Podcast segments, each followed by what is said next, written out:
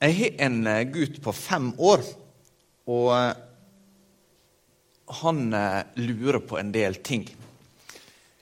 Og her for eh, en tid tilbake så eh, var han eh, kommet i seng. Og da er det jo ikke så ukjent at femåringer kan lure ekstra mye på ting. For det er jo ikke alltid så kjekt å skulle sove. Og han hadde begynt å lure på et ord, og det var ordet 'åpenbart'. Så lå han og repeterte det for seg sjøl. Åpenbart. Åpenbart. Og så gikk det opp for henne. 'Mamma, det betyr at barten er åpen'.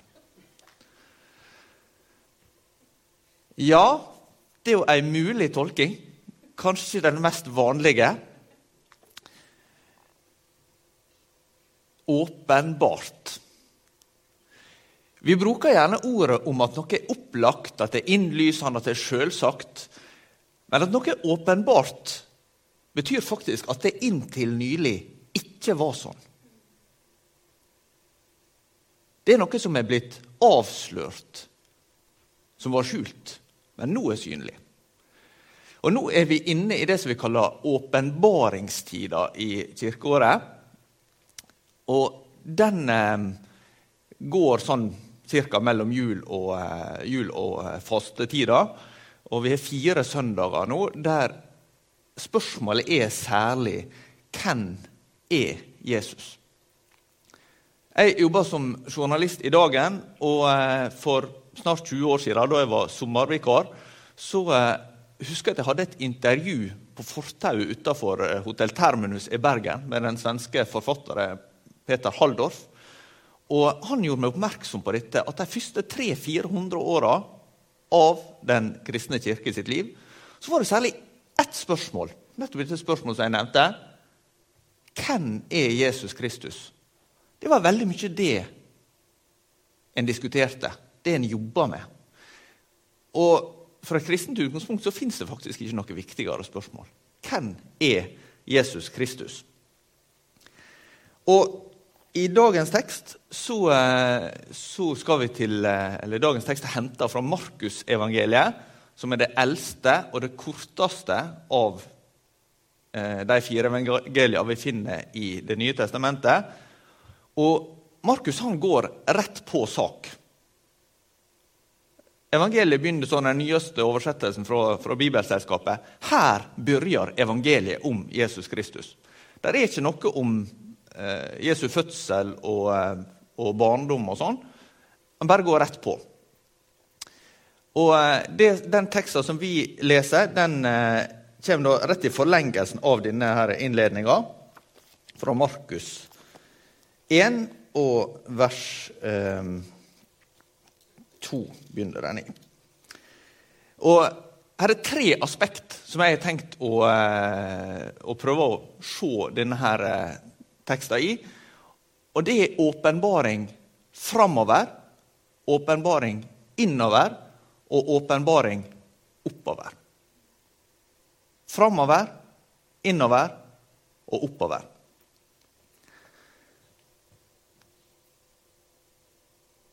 Det står skrevet såleis i profetene. Sjå, eg sender min bårbærer føre deg, han skal rydde vegen din for deg. Der er røyst av en som roper i øydemarka, rydd veg for Herren, gjør stigane hans beine. Såleis sto døyperen Johannes fram i øydemarka og forkynte omvending og dåp til forlating for syndene. Og hele Judealandet og alle i Jerusalem drog ut til han, og han døypte dem i Jordanelva idet de sanna syndene sine. Johannes gikk i klede av kamelhår og hadde et lerbelte om livet, og maten hans var gråshopper og vill honning. Og han forkynte og sa, etter meg kjem han som er sterkere enn jeg. Jeg er ikke engang verdig til å bøye meg ned og løse skoreimet hans. Jeg har døypt dykk med vann, men han skal døype dykk med Den hellige ande. Det var i disse dagene det hendte at Jesus kom fra Nasaret i Galilea og ble døypt av Johannes i Jordan. Straks han steg opp ord vatnet, så han himmelen åpna seg, og anden kom ned over han som ei due. Og det høres ei røyst fra himmelen, du er sønnen min som jeg elsker. I deg har jeg hugnad. Hugnad er kanskje ikke det mest brukte ordet for de fleste av oss. Det betyr rett og slett glede. I deg har jeg glede.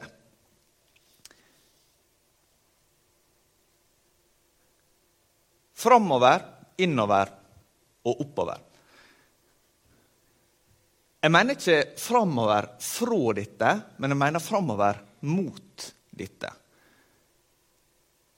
For selv om Markus begynner med Johannes, så er Johannes på et vis den siste i ei lang rekke. Det er mange gjennom mange hundre år som har peka framover.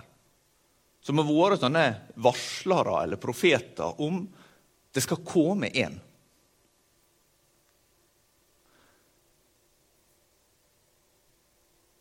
Og eh, Johannes han eh, har jo en spesiell bakgrunn som vi kan lese om i eh, Lukasevangeliet. Eh, det står eh, der ganske utførlig om da Johannes ble født. Han var jo faktisk litt i slekt med Jesus. Det eh, står om Elisabeth, som var mor til Johannes, og Maria, som var mor til Jesus, at de var slektninger. Det har vært antydet at Jesus og Johannes kanskje var tremenninger. Det vet ikke vi sikkert. Men han har en rolle som ikke er knyttet til det slektskapet, først og fremst, men han har en rolle fordi han har fått et kall fra Gud til å peke framover mot den som skal komme. Og nå er det så nær som det aldri har vært. Ja, her er vi faktisk på et slags knekkpunkt i den bibelske historien. Det gamle testamentet har handla om at Gud har åpenbart seg foreløpig. Vi leser det i starten på Hebreabrevet i Det nye testamentet. At Gud har i eh, de tidligere tider åpenbart seg mange ganger på mange måter for fedrene.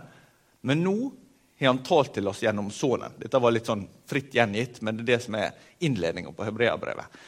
Så det som skjer her nå, det er at eh, Johannes han leverer på et vis stafettpinnen videre. Nå har han kommet som har vært varsla så veldig lenge. Og Johannes ble jo sjøl faktisk forstått som en oppfyllelse av en profeti her. For det som en leser helt til å begynne med, det er henta fra Jesaja-boka. Se, jeg sender min bådbærer føre deg han skal rydde vegen din for deg. Der er røyst av en som roper i ødemarka, rydd veg for Herren, gjør stigene hans beine. I Johannesevangeliet leser vi det om, som ikke er skrevet av eh, døperen Johannes, men uh, apostelen Johannes, en av disiplene til Jesus. Men der sier Johannes om seg sjøl at han var ikke lyset, eller står om Johannes døperen. rettere sagt, han var ikke lyset, men han skulle vitne om lyset. Og Det er det de har gjort, disse som har gått før. De har vitna om at det kommer et lys. Og Det er egentlig en veldig fin dimensjon å ha med seg inn i de tekstene som vi leser. At dette her er noe Gud har planlagt, det er noe Gud har hatt på gang. Det er noe som har vært forberedt.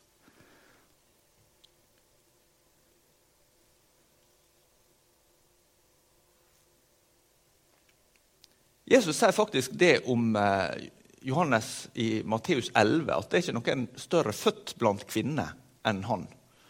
Eh, men sjøl den minste i himmelriket er større enn han. Og Hvordan henger det sammen? Det er jo nettopp det at Johannes står fortsatt i dette foreløpige, eller førebelset, som man kan si på nynorsk. Det er noe som ikke ennå er kommet, men som vi venter på. Det var altså åpenbaringa framover. Det neste det er åpenbaringa innover. Og Hva mener jeg med det? Ja, det er noe personlig. Det er noe som gjelder meg, det er noe som gjelder deg, det er noe som gjaldt de som henvendte seg til Johannes. Det er jo brukt ganske eh, sterke ord om hvor mange som kom. Hele Judealandet og alle i Jerusalem drog ut til han. Det er jo kanskje et sånn type uttrykk som ligner om det at hele Norge reiser til Syden om sommeren. Det, det, er jo ikke helt sånn, men det forteller oss at særlig ikke nå når det er korona, men ikke normalt sett heller, det er ikke absolutt alle som reiser, men hele Norge reiser. Det, det betyr at det, det, er veldig mange som gjør det. Um, og så er det det samme her. Johannes han, han sto i en tjeneste som, som vekte stor interesse. Og På et vis kan det virke veldig rart, for uh, for leser vi noe av det Johannes forkynte, som er lite gjengitt her i Markus, men som er mer eh, omfattende gjengitt i f.eks. Matteus og, og, Johannes, så, så, ser vi at det var ganske ransakende ord han kom med. Om omvendelse, om det å ta på alvor det at en sto til ansvar for Gud.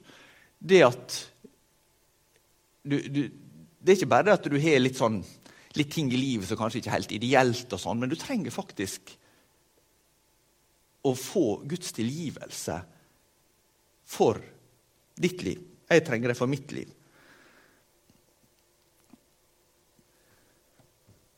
Og så eh, er det altså sånn at dette det, det treffer en nerve. Det er mange som, eh, som, kommer for å høre på Johannes. Og Da igjen er det interessant å lese om det som ble varsla før Johannes ble døpt, som hans far Zakaria fikk høre, eh, som vi kan lese om i Lukas 1 at eh, Johannes han skulle bli til stor glede for Zakaria, står det. Og mange skal være glade for at han er født. Det er litt som med en god vekkelsesforkynner som det er med en god bilmekaniker eller en god lege. Han legger ikke skjul på at du har et problem, men har også en løsning på det.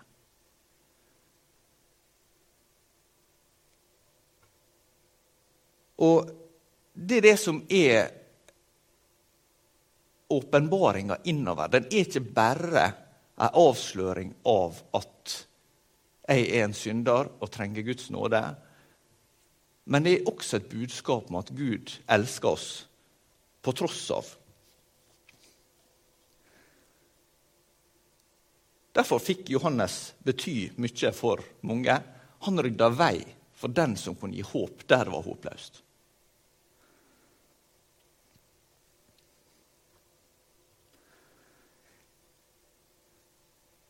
Men det var altså ikke Johannes sjøl som kunne gjøre dette.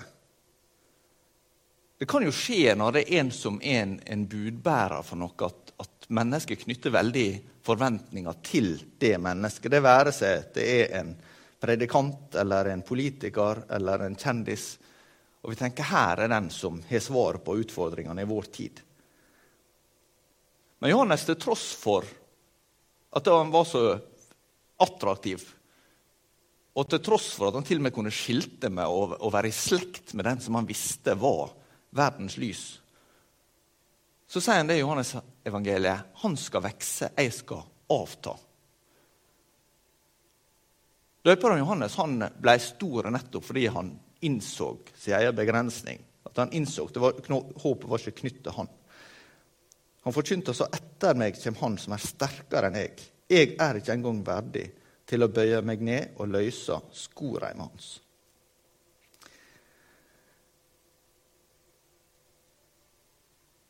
Vi kaller han døyperen Johannes. Og akkurat det er det viktig å eh, stoppe litt for, tror jeg. For det er noe nytt her i sammenheng med profetene som vi leste om før i Det gamle testamentet, at vi leser ikke om at de døpte, at, de var, at det var omvendelse knyttet til det.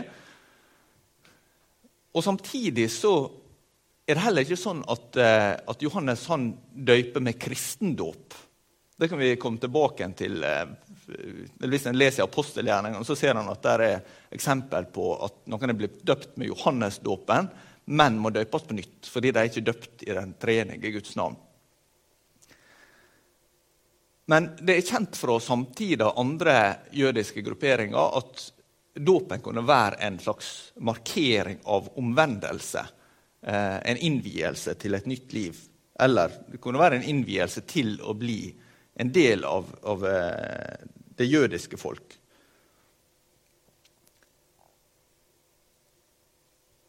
Sånn at dette her er også noe foreløpig. Det er ikke den dåpen som Jesus innstifta seinere.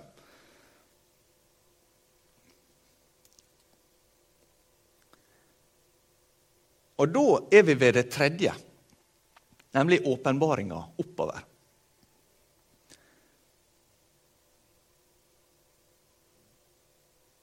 På en helt spesiell måte, egentlig. Eh, både nytt i den bibelske historien, hvis du skal se den som en sånn linje som går framover.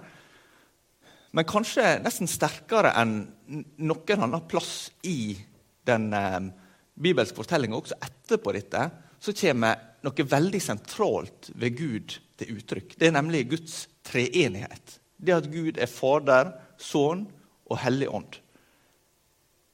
Veldig tydelig og veldig spesielt kommer det til uttrykk nettopp her ved Jesu dåp.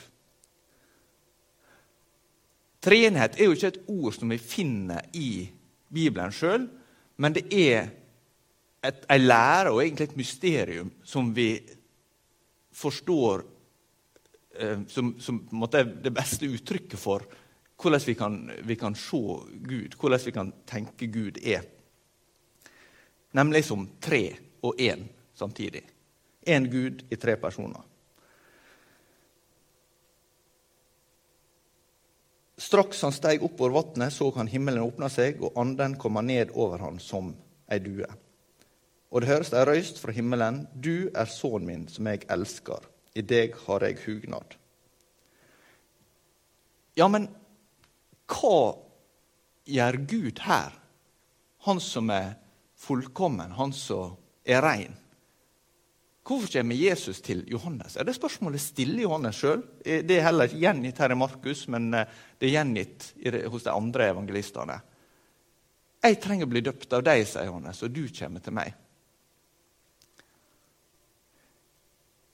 Og med så mange ting i fortellinga om Jesus, så er det snutt på hodet. Jesus han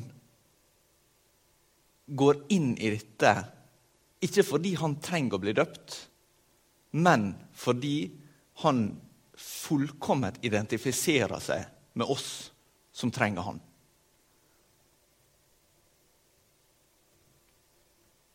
Han blir ikke døpt fordi han trenger å bli rensa, men fordi han tar regninga for alle oss andre som trenger det.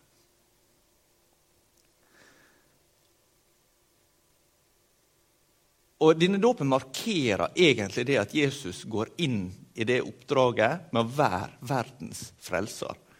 Igjen så ser vi Johannes eh, døperen som snakker om det i eh, sånn som det er gjengitt i Johannes evangeliet. Se der Guds lam som ber syndene for verden.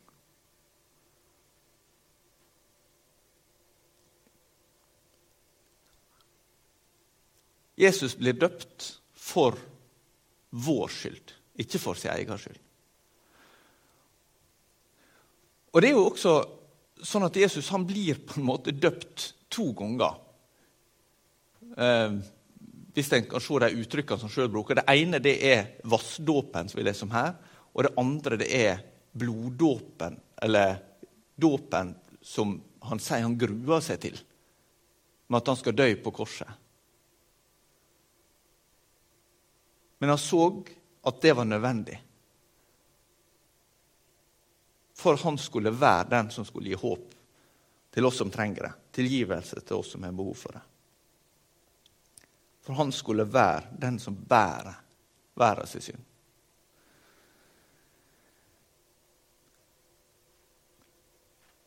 Til slutt så syns jeg også det er veldig fint som den siste setning her å legge merke til at det er et, et slags selv om Markus ikke har noe juleevangelium, så hører vi igjen noen ord som virker så kjente her, fra juleevangeliet. Og hva er det? Du er sønnen min som jeg elsker, i deg har jeg hugnad. Eller i den nye oversettelsen til, til Bibelselskapet som jeg har glede i. Det er jo det samme som englene blir sitert på på Betlehemsmarkene og mennesker som Gud har glede i. Gud har glede i Jesus Kristus. Ei fullkommen glede. Ei kjærlighet som vi som er foreldre, kan ane i vår ufullkommenhet, så vet vi at det er ikke noe vi er så glad i som barna våre. Og så sier Gud dette er sønnen min som jeg elsker, som jeg har glede i. Og så synger englene om mennesket mennesker som Gud har glede i. For at vi vil ta imot den gava som Gud gir oss i Jesus Kristus.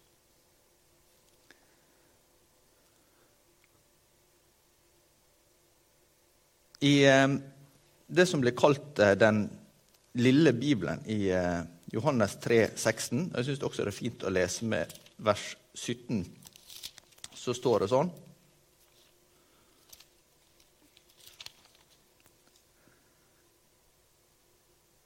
For så elsker Gud verda at han gav sønnen sin, den einbårne, så hver den som tror på Han, ikke skal gå fortapt, men ha evig liv.